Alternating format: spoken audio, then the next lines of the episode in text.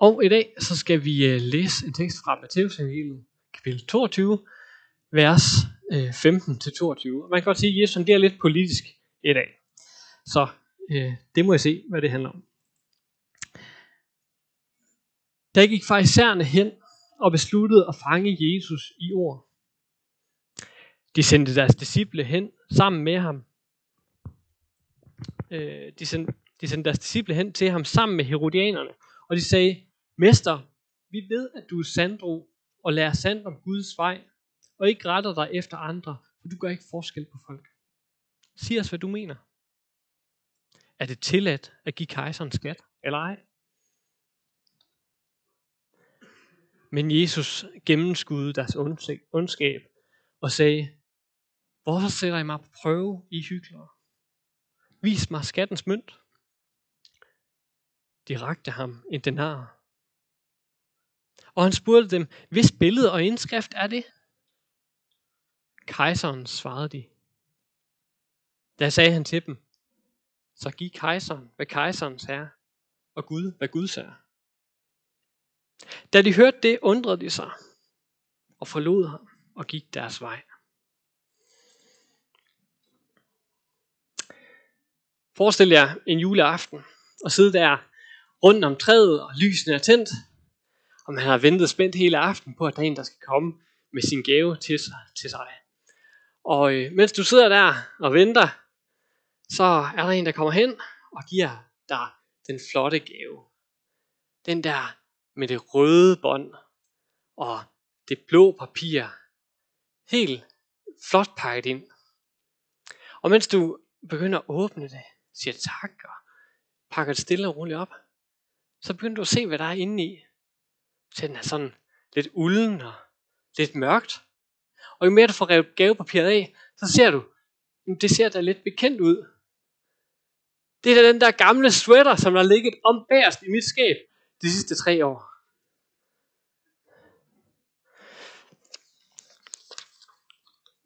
Jesus siger, giv Gud, hvad Guds er.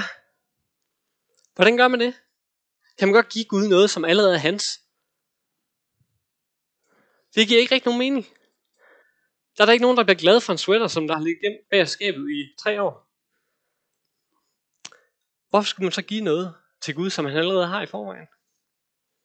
Og jeg mener det faktisk. Der står sådan her i Rombrevet kapitel 11, vers 35. Hvem har givet ham noget først, så han må gøre gengæld? Til fra ham og ved ham og til ham er alle ting. Ham bærer ære til evig tid. Amen. Alting er hans. Han har skabt det hele. Hele jorden tilhører ham. Er det ikke så let at gøre Gud til grin, hvis vi giver ham noget, han allerede har? Jo, og sådan ville det være, hvis Gud han var en træls arbejdsgiver, eller en Gud, som krævede underkastelse og, øh, og lydighed, og ikke frem for alt tillid og kærlighed. Måske havde det også været anderledes med den der julegave, juleaften, hvis det nu havde været øh, en lille niæse, eller din søn, som var kommet til dig, og havde fundet et eller andet i skabet, men bare gerne ville have en gave til sin, til sin yndlingsonkel, eller til sin elskede mor, fordi at man gerne bare ville glæde den person. Måske havde øh, vi været glade for den gave, selvom det havde været en gammel sweater. Som Guds børn, der gerne vil glæde ham, så giver det en altid mening at give noget. Selvom han allerede ejer det i forvejen. Det giver faktisk mening. Gud er den almægtige Gud. Han er ophøjet, han ejer det hele. Men vi kan alligevel få lov til at komme til ham med vores gaver. Selvom det egentlig er hans ejendom, som vi bare har fået til låns. Sådan er alting jo bare til låns. Med og jeg, min hustru og jeg, vi har fælles økonomi. Og jeg kan faktisk godt blive glad for en gave, hun giver til mig, selvom jamen, jeg har nok egentlig selv været med til at betale den. Eller jeg kan også godt købe blomster til hende, selvom hun egentlig også øh, har været med til at betale det. Hun bliver glad, fordi jeg ønsker at glæde hende, og så bliver hun glad for det. Vi kan egentlig godt give hende noget, vi allerede har. Men hvad kan vi så give Gud? Selvom han har alting. Hvad bliver Gud glad for? Kan Gud være blive glad, glad for noget, vi giver? Ja, vi kan jo bringe vores tak. Det er da det, er det mindste. Men han bliver egentlig ikke glad. Han bliver ikke glad, hvis det er sådan en øh, dårlig samvittighedstak. Eller hvis det er sådan en, vi, vi er tvunget eller lidt forpligtet til at sige tak. Sådan er Gud ikke. Så bliver han egentlig ikke glad for det. Gud, han, eller Gud, Peter han skriver et sted i sin til brev, at vi har en god samvittighedspagt med Gud. God samvittighedspagt, det må være udgangspunktet. At vi siger tak af god samvittighed. Eller fordi Gud har givet os en god samvittighed. Gud har givet os noget at sige tak for. Og vi har en masse at sige tak på for, men det kræver, at vi lige får øjnene op for det. Hvad er det egentlig, vi, øh, vi skal sige tak for?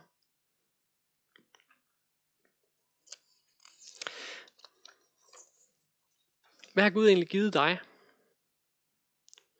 som du er glad for, som du vil sige tak for i dag? Dit liv, det er at trække vejret, og se op på en smuk bøgeskov, der er ved at falme i forskellige nuancer af rød. En kærlig hånd på skulderen af en ven. Familie. Venner. Tag over hovedet. Et frit land med gode love. Det er faktisk ikke noget, vi på magisk vis selv har, har øh, kæmpet os frem til. Vi har ikke fået, selv, har fået det til at gro op af jorden af sig selv.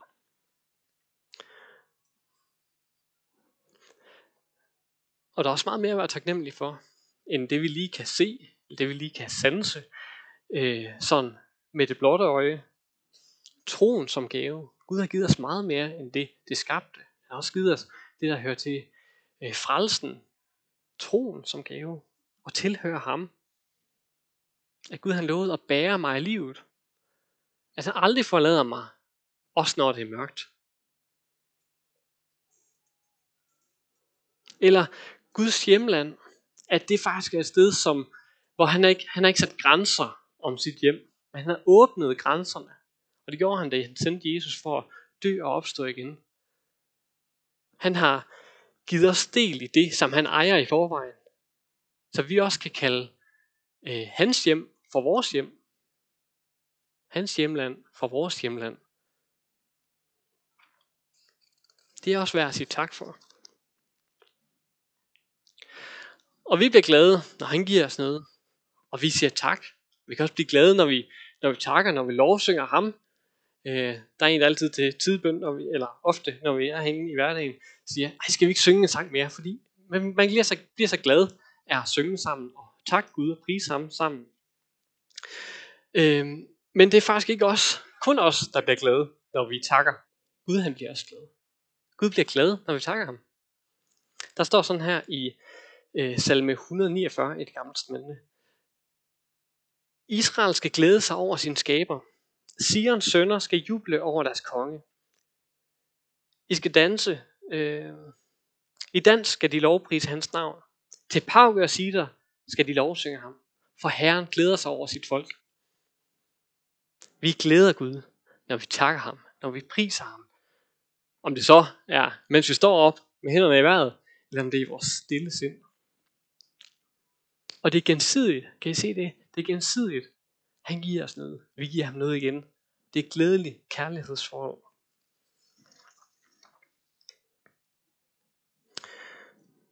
Men lovprisning, tak, det er jo ikke kun med vores stemmer. Det er faktisk også med vores kroppe. I Rombrevet kapitel 12, vers 1, så står der sådan her. Så opmuntrer jeg jer, brødre, ved Guds barmhjertighed, til at bringe jeres læmer som levende øh, som et levende og helligt offer, der er Gud til behag. Det skal være jeres åndelige gudstjeneste. Det er ikke bare stemmerne. Alt hvad vi er, alt hvad vi gør, hele vores liv, det skal vi bringe til Gud som et offer, som en tak. Se det som en gave, når det er, at du bliver ramt den der dag og har lyst til at pjekke og blive hjemme fra arbejdet og studiet, men alligevel vælger at tage afsted, fordi det glæder Gud, når vi passer vores arbejde. Eller lad det være en gave til Gud, når du ordner vasketøjet. Fordi han glæder sig, når du passer livets små gøremål. De der helt små ting, som der gør, at livet opretholdes for os selv eller hinanden. Gud glæder sig over det. Det er sådan, han har sat øh, verden sammen. Og lad det også være en gave til Gud, når du så inviterer et menneske inden for din dør. Og måske endda også et menneske, som du egentlig ikke har lyst til at have inden for din dør, men som er lidt træls, eller er lidt svært at være sammen med. Fordi Gud han elsker, når du er gæstfri. Fordi han selv er gæstfri. Det er sådan han er. Så han elsker os, når vi er det. Og Gud har faktisk brug for vores krop. Hvis I tænker over det. Gud har faktisk ikke nogen krop i verden lige nu. Hvis ikke det er for menigheden. Vi er hans lemmer. Vi er hans krop i verden. Gud har brug for vores krop. Og når vi så bringer det alt sammen som et offer, ressourcer, evner, alt det vi nu har fået givet hver især, jamen, øh, det kan være i kirken, men det kan også være i gymnastikforeningen, eller øh, hvor nu i samfundet det er, at du vil bruge din, dine evner som et, som et offer, som et gave til Gud, der kan du også bruge dem. Og når du så bruger dem, lægger dem frem for Gud som et offer, så velsigner han de her evner. Han forstørrer dem, gør dem stærkere. Det er det, vi kalder nådegaver. Når han tager naturlige gaver, og så, øh, hvad kan man sige, forstørrer dem i hans rige, så, kan, så bliver det til nådegaver. Gud han helliger vores evner, vores kroppe, når vi bruger dem til et offer for ham. I vores helt almindelige daglige liv. Vil vi give dig det bedste, vi har, sang vi. Men vi stopper ikke der. Vi har altså meget mere at give. Meget mere at give, end det bedste, vi har. Han vil også gerne have det værste. Det aller værste. Det er også en gave til ham. Vores mørke hjerter, vores nye sår og gamle ar. Alt det dunkle. De dårlige intentioner. De skjulte motiver. Den der hadske, bitre mumlen om et andet menneske. Han vil gerne have det hele. Det er faktisk Jesus største glæde, når det er, han får det værste, vi har. Vores sønner, det er ikke noget forskrækkeligt. Han bliver ikke bare, han bliver ikke chokeret over, når vi fortæller ham det. Han kender til det hele. Hver eneste en af vores søn, han bar dem selv på sine skuldre, da han bar det der på korset. Der står, han bar al verdens synd. Så når vi kommer til ham med vores søn, så kender han godt i forvejen. Han bar dem selv.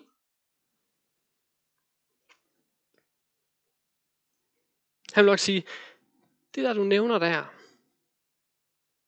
selvom du måske ikke kan få det over din mund, fordi du skammer dig så meget over det. Jeg kan faktisk godt huske det.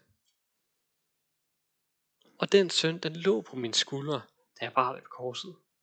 Vi kender hinanden. Det er en søn og mig. Søn og mig. Vi kender, den. kender hinanden. Og måske vil han også sige, det var da godt, du også fik øje på den.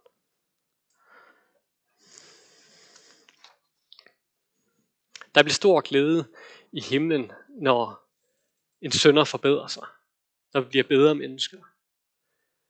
Men først og fremmest så bliver der stor glæde i himlen, når en sønder omvender sig. Når vi vender os fra vores synd og giver den til Jesus. Vi vil give dig det værste, vi har. Men hov, Jesus siger også, at vi skal give kejseren, hvad kejseren er. Men kejseren ejer os jo ikke. Jeg kan også sige, at Gud han har skabt os, men hvad har kejseren egentlig gjort, siden at vi skal give ham noget som helst? Og den kejser, som Jesus snakker om på det her tidspunkt, jamen, han er jo faktisk død i dag. Så hvad skal vi egentlig give ham? Han ejer jo ikke noget, han er død. Det er lidt mærkeligt, det der sker i teksten i dag. Og jeg tror også, jeg synes, det er mærkeligt. Det er herodianerne og farisæerne, der simpelthen sammen stiller et spørgsmål til Jesus. Wow. Kan I mærke det? Det er mærkeligt. Altså det svarer, det svarer faktisk det, at uh, Pernille Vermund fra Nye Borgerlige og uh, en af de der mange ordfører fra enhedslisten, og så Mette Frederiksen stiller sammen for at stille et politisk spørgsmål, eller øh, fælde en eller anden, øh, lad os sige Alex Van Opslark eller en eller anden. Lad os nu sige, at de alle sammen slås sammen for det. Så er det jo, så ville det virkelig være mærkeligt. De, de, de prøver at fælde ham simpelthen. Men det er ikke bare sådan en fælde, som øh, vil gøre, at Jesus han bliver udskammet på sociale medier. Det er cancelled. Han vil dø, hvis han svarede forkert på det spørgsmål. Det er en dødsfælde. Hvis Jesus siger ja til at give kejseren, hvad kejseren er, altså give, give kejseren skat, så vil han af folket blive dømt som en landsforræder. Siger du virkelig, at vi skal betale skat til den romerske besættelsesmagt? Det er dem, der har besat os. Det er jo vores land, de har besat os, og vi skal give, give dem skat, og du siger, at det skal vi. Han vil miste al opbakning, hvis han sagde det direkte. Men hvad nu, hvis Jesus siger nej? Jesus forkyndte øh, sit evangelium, da han kom til jorden. Øh, øh og det indeholdt frihed fra synd. Helbredelse af sygdom. Udfrielse af dæmoner. Han får øh, evangeliet, det handlede om at give sig selv. Ofre sig selv. Og det, og det var vigtigere end at få magt i den her verden. Og så fortalte han om ny begyndelse, som et hvert menneske kan få med Gud. Og alt det stod på spil, hvis det var, at han nu siger nej til at betale kejserens skat. Hvis Jesus siger nej, så bliver Jesus-bevægelsen, øh, så er Jesus-bevægelsen ikke mere en fredsbevægelse. Så bliver det til en oprørsbevægelse, som nu går romerne imod, og folket kommer med, og nu skal, nu skal til at bekrige romerne. Fordi vi går op med jeres system, jeres lov. Og der har faktisk været en oprørsbevægelse på det her tidspunkt, som har sagt nej til kejserens skat. Og, øh, og jeg tror også, de gjorde andre ting, men det der skete, det var, at de blev simpelthen klynget op på kors. De blev slået ihjel af romerne. Dengang de øh, sagde, nej, vi vil ikke betale den her skat øh, til, til dem, der har besat vores land. Så der er meget på spil her. Men Jesus han siger faktisk, I skal betale skat. Giv kejseren, hvad kejserens er. Han siger det bare på en måde, så de ikke rigtig kan fælde ham for det. Jesus spørger sin tilhører om at vise ham kejserens mønt. Har I lige kejserens mønt? Og hov da, hvad er det, de har der i lommen? Og så finder de en mønt. Og der ligger der en mønt med kejseren Tiberius ansigt på. Jeg tror, det kommer herop. Og øh, der står også Divi F, altså Divi Filius, Guds søn. Det er altså et religiøst kompromis af dimensioner at gå rundt med sådan en mønt i lommen for en, øh, for en ret troen jøde. Man må ikke have billedet faktisk af noget som helst på det tidspunkt af nogle øh, mennesker, fordi det vil være imod øh, at, øh, hvad hedder det, øh, billedforbuddet, at man ikke øh, måtte afbillede Gud, og man var heller ikke afbillede noget menneske, det var faktisk tro på det tidspunkt. Øh, og, øh, men ikke nok med det, det her det er, ikke bare, det er jo ikke Gud, der faktisk er afbildet. Det er jo en, der udgiver sig for at være Gud, eller Guds søn. Så det var virkelig et religiøst kompromis overhovedet at gå med den i lommen. Men Jesus han har stået med et sk- lidt skævt smil. Hårda. Hårda. Der havde I den mønt i lommen. Og når nu I alligevel bærer på den her ugudelige mønt, og der er kejserens ansigt på, så kan I lige så godt give ham den. Det er jo hans. Det er jo hans ansigt, der er på. Og I går med den i lommen. Giv ham den bare. Giv hvad der er hans. Men han, ud, han siger det ikke bare for at udstille deres hyggeleri. Han mener det faktisk. Giv kejseren hvad der er hans. Giv kejseren hvad der er hans. Giv øvrigheden. Det er også til os. Giv øvrigheden. Giv myndighederne øh, det, som de forlanger. Altså, og, fordi at det har de brug for, for at opretholde lov og orden. Også u- og uanset om øh, myndigheden eller øvrigheden eller kejseren har gudkomplekser, som kejser Tiberius havde. Det indebærer i dag forskellige ting. Det, at man giver kejseren, hvad kejseren er. Og det kommer til lige om lidt. Det Jesus han siger her, det er, han skiller. Han skiller faktisk mellem to riger. Gik Gud, hvad Gud sagde, og kejseren, hvad kejseren sagde. Skiller mellem to riger. To måder Gud hersker på i den her verden. I nådens rige og i samfundet. Gud er herre over begge, begge riger. Men det er to vidt forskellige måder at regere på. I nådens rige, der hersker han ved sit ord. Og i samfundet, der hersker han ved hjælp af øvrigheden, altså myndighederne og staten. Vi er borgere i begge riger. Det er to forskellige riger med to forskellige normsæt. Men øh, vi skylder begge to trofasthed. Troskab. Det er ikke, hvor vi skal ære den ene og have den anden. Gud er herre over begge riger. Kejseren, det er ikke satans tjener. Tiberius, kend, Tiberius, altså kejseren der, han kendte ikke Gud. Han var afgudstyrker. Han er ikke kristen, og alligevel, så som statsoverhoved, så udførte han Guds opretholdende skaberværk i den her verden, i samfundet, gennem de love, som han indførte for at skabe lov og orden i, i, øh, i øh, hans rige. Paulus han udfolder det lidt i Rombrevet kapitel 13, øh, og han siger sådan her, alle skal underordne sig under de myndigheder, som står over dem. For der findes ingen myndighed, som ikke er fra Gud. Og de, som findes, er forordnet af Gud. Den, som sætter sig op imod dem, dem, der har myndighed, står over, nej, nej, så derfor Guds ordning imod, og de, der gør det, vil pådrage sig dom. Derfor skal man underordne sig. Og derfor skal man også betale skat til den ugudelige kejser. Ikke kun for vredens, men også for samvittighedens skyld. Derfor betaler I jo også skat, og de styrende er Guds tjenere, når de tager vare på det. Giv alle, hvad I skylder dem. Den, der har krav på skat, skat. Den, der har krav på 12, 12. Den, der skylder frygt, frygt. Den, der skylder ære, ære. Gud hersker i nådens rige ved sin ånd og med sit ord, men også igennem samfundet. Samfundet det er, ikke, det er ikke gudløst, det er ikke satans rige, men til forskel for nådens rige, så er det Guds retfærdighed, der hersker her. Gud hersker ved sin retfærdige magt gennem øvrigheden. Men vi skal holde tungen lige i munden her, fordi nådens rige skal vi ikke prøve at overføre til samfundet. Vi skal ikke lade, lade det overtage, øh, fordi i samfundet, når Gud reagerer der med sin retfærdighed, så får forbryderen sin straf. Og det skal han blive ved med at få på et samfundsplan. Men i nådens rige, der tager Gud selv forbryderens straf. Den, der er blevet anklaget, selv den straf tager Gud på sig. I samfundet, der går vi i krig for at forsvare vores fædreland. I nådens rige, der vender vi den anden kendt til. I samfundet, der fyres og retsforfølgelsen medarbejder, der har taget kassen. I nådens rige, der forsones vi med den, der har gjort os noget imod. Det er de to riger. Det er lidt kontroversielt, det her. Det svarer, eller det svarer ikke det, det Paulus beskriver her, det er jo faktisk, at Mette Frederiksen er indsat af Gud. Det er også, at Putin er indsat af Gud i Rusland. At Netanyahu er indsat af Gud i Israel. Og det er altså uden sammenligning i øvrigt. Det er altså en hård en lige at sluge. Hvordan kan Putin være indsat af Gud? Skal man ikke være god for det?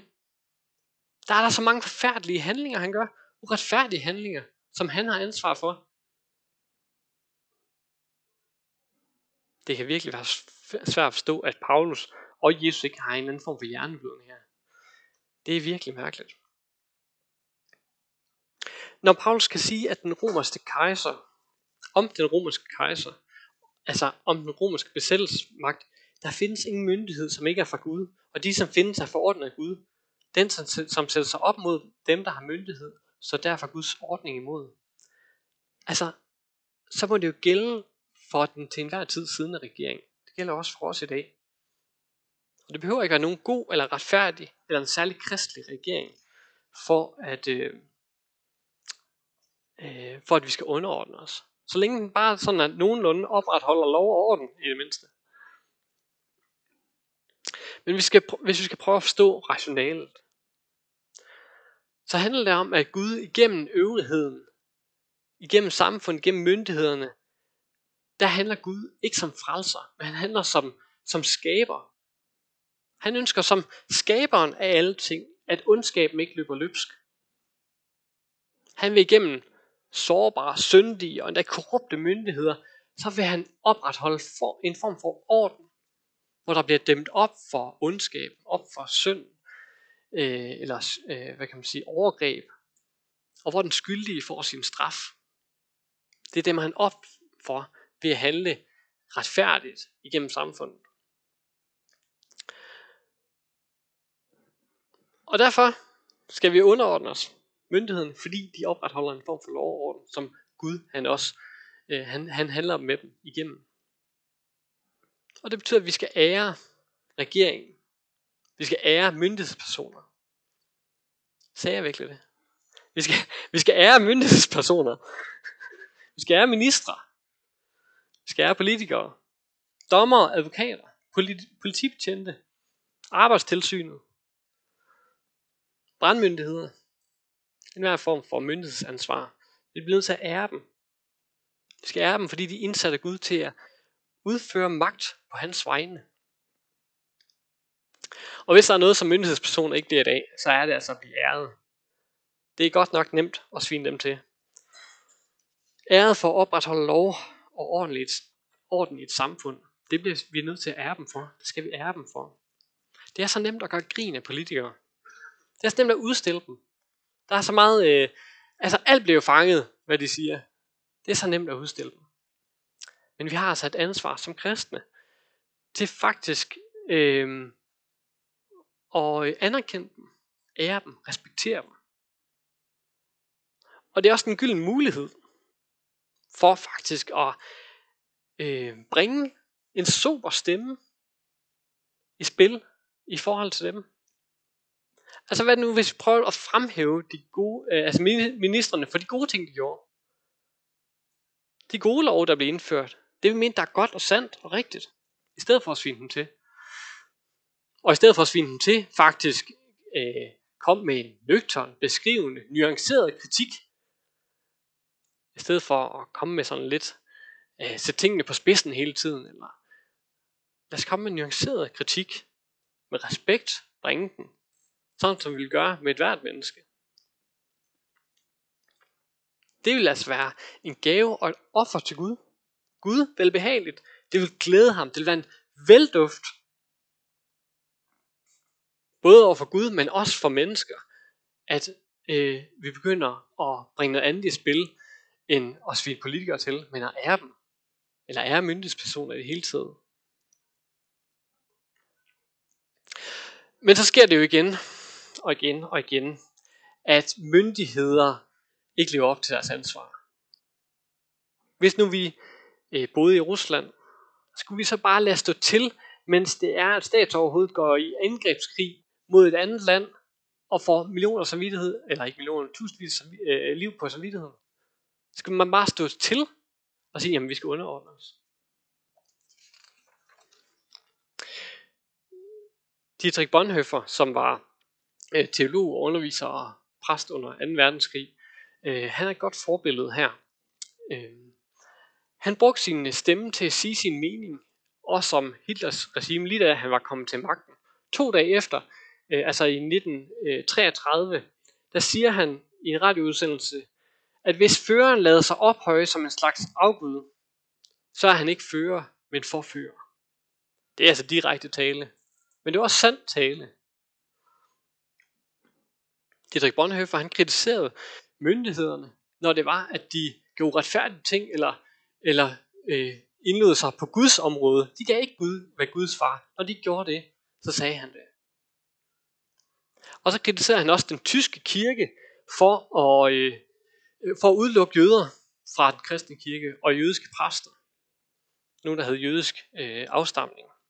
Og derfor så tilslutter han sig øh, den bekendte kirke, øh, som øh, de havde som hovedformål at beskytte præster af jødisk herkomst.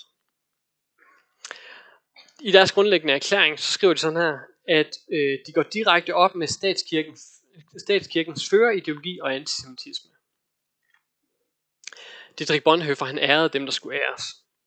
Men det fik ham altså ikke til at stå passivt til. Han engagerede sig i samfundet. Han sagde fra mod uretfærdigheden, og når mennesker blev forfulgt, øh, og, øh, og myndighederne gik på kompromis med, med, med retfærdigheden og loven. Og det svarer egentlig meget godt til den nuancer, som Paulus også har i, i, i, i den tekst, vi læste tidligere. De styrende er Guds tjenere, når de tager vare på det. Der var noget, det tyske regime ikke kunne tage vare på. Og derfor sagde Dietrich Bonhoeffer til, han sagde fra, han øh, gik op mod det med sin stemme. Og Bonhoeffer, han nåede også så langt i sin konklusion, at øh, det tyske rige ikke i nogen som helst grad overhovedet kunne varetage øh, og overholde, og opretholde lov og orden. Fordi at der blev gået på kompromis øh, med så mange øh, hvad kan man sige, menneskerettigheder. Og derfor endte han faktisk også med at lede et attentat mod Hitler. Han var med i et voldeligt attentat mod sin, øh, øh, ham, der ledede landet. Fordi at han kæmpede for sit land, sit hjemland. Der var en, der havde overtaget hans hjemland, og derfor måtte han øh, stå imod den. Øh, øh, hvad hedder det? Ja, stå, stå imod ham og den uretfærdighed, som han, han bragte med sig. Og den kamp for retfærdigheden endte med at slå Dietrich Bonhoeffer ihjel. Han øh, var i fængsel, og en måned før, at øh, nazisterne de blev løbet over inden, så øh, blev han simpelthen hængt. Og det sidste ord, der var på hans læber, det var, det der er enden, men for mig begyndelsen på livet. Dietrich Bonhoeffer, han tog kampen mod op mod retfærdigheden, og han bragte sit liv som et offer på den måde, ved at engagere sig i samfundet og mod uretfærdigheden. Giv Gud, hvad Gud er. Giv kejseren, hvad kejserens er. Når vi indordner, indordner os under landets love, når vi betaler vores skat, når vi udfylder årsopgørelsen, uden snyd, så siger vi fra, øh, eller så, så, øh, så giver vi kejseren, hvad kejseren er. Og vi giver også Gud, hvad Gud er på den måde, fordi Gud regerer igennem samfundet, gennem myndighederne. Men vi giver Guds, hvad Guds er, når vi handler så op mod uretfærdighed. Når vi engagerer os. Når vi bruger vores stemme og gør det respektfuldt. Øh, Jesus er herre over alle ting. Både i det ene og det andet rige. Både, i, øh, både over regering og myndigheder, men også over mit lille hjerte. Begge dele. Jeg læste en, som skrev sådan her. Hvis han ikke er herre over alt, er han ikke herre overhovedet. Det lyder lidt bedre på engelsk. If he's not Lord of all, he's not Lord at all. Lad herre være Lord of all. Herre er det hele.